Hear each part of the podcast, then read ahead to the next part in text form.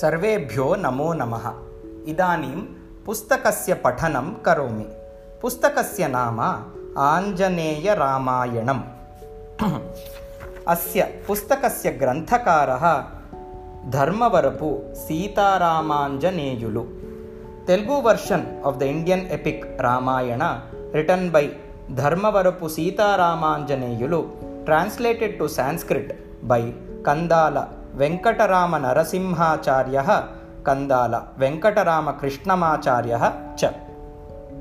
अस्तु।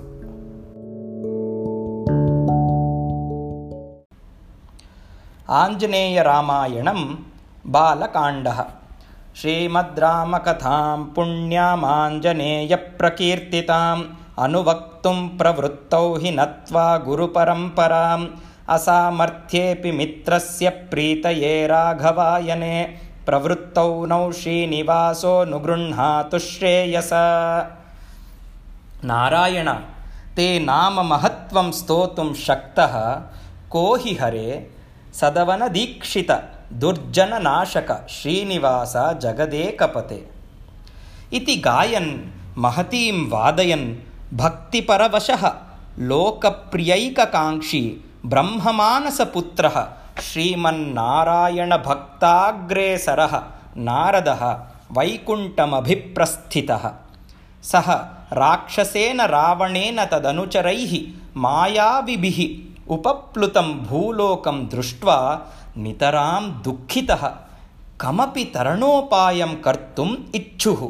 तत्र नारायणमेव शरणं। मन्वानः तमेव शरणं प्राप्तुं निश्चित्य सपदि देवदेवम् अनुकूलयितुं प्रस्थितः आसीत्। सङ्कल्पमात्रेण प्राप्तवैकुण्ठः सः पद्मपीठाधिष्ठितं महालक्ष्म्या सहितं नारायणमपश्यत्। दर्शनमात्रेण प्राप्तानन्दस्य तस्य नेत्रे आनन्दाश्रुपूर्णे आस्ताम्। शरीरं पुलकितम् आसीत् सः तन्मयः सन् भगवन्तं स्तोतुं समुपचक्रमे। अस्मिन् अन्तरे एव भगवान् महालक्ष्म्या सह अन्तर्हितः अभूत्। तदैव चतस्रः अप्सरसः कयाचित् अतिलोकसुन्दर्या सह पद्मासने आविरासन्। तत् दृष्ट्वा नारदः नेत्रे प्रमार्ष्टि स्म तदा सर्वत्र शान्तिः प्रसृता आसीत्। पद्मासने स्थितानां वनितानाम् अधरेषु मन्दहासः विससार। तासां दृष्टिषु आर्द्रता परिस्फुरति स्म। ताः आशीर्भिः आत्मानम् एधयन्तीव अमन्यत नारदः। परं तस्य तासां तात्पर्यं नावगतम्। एतद्रहस्यं विशदीकर्तुं सदाशिव एव समर्थ इति विचिन्त्य नारदः कैलासमगच्छत्।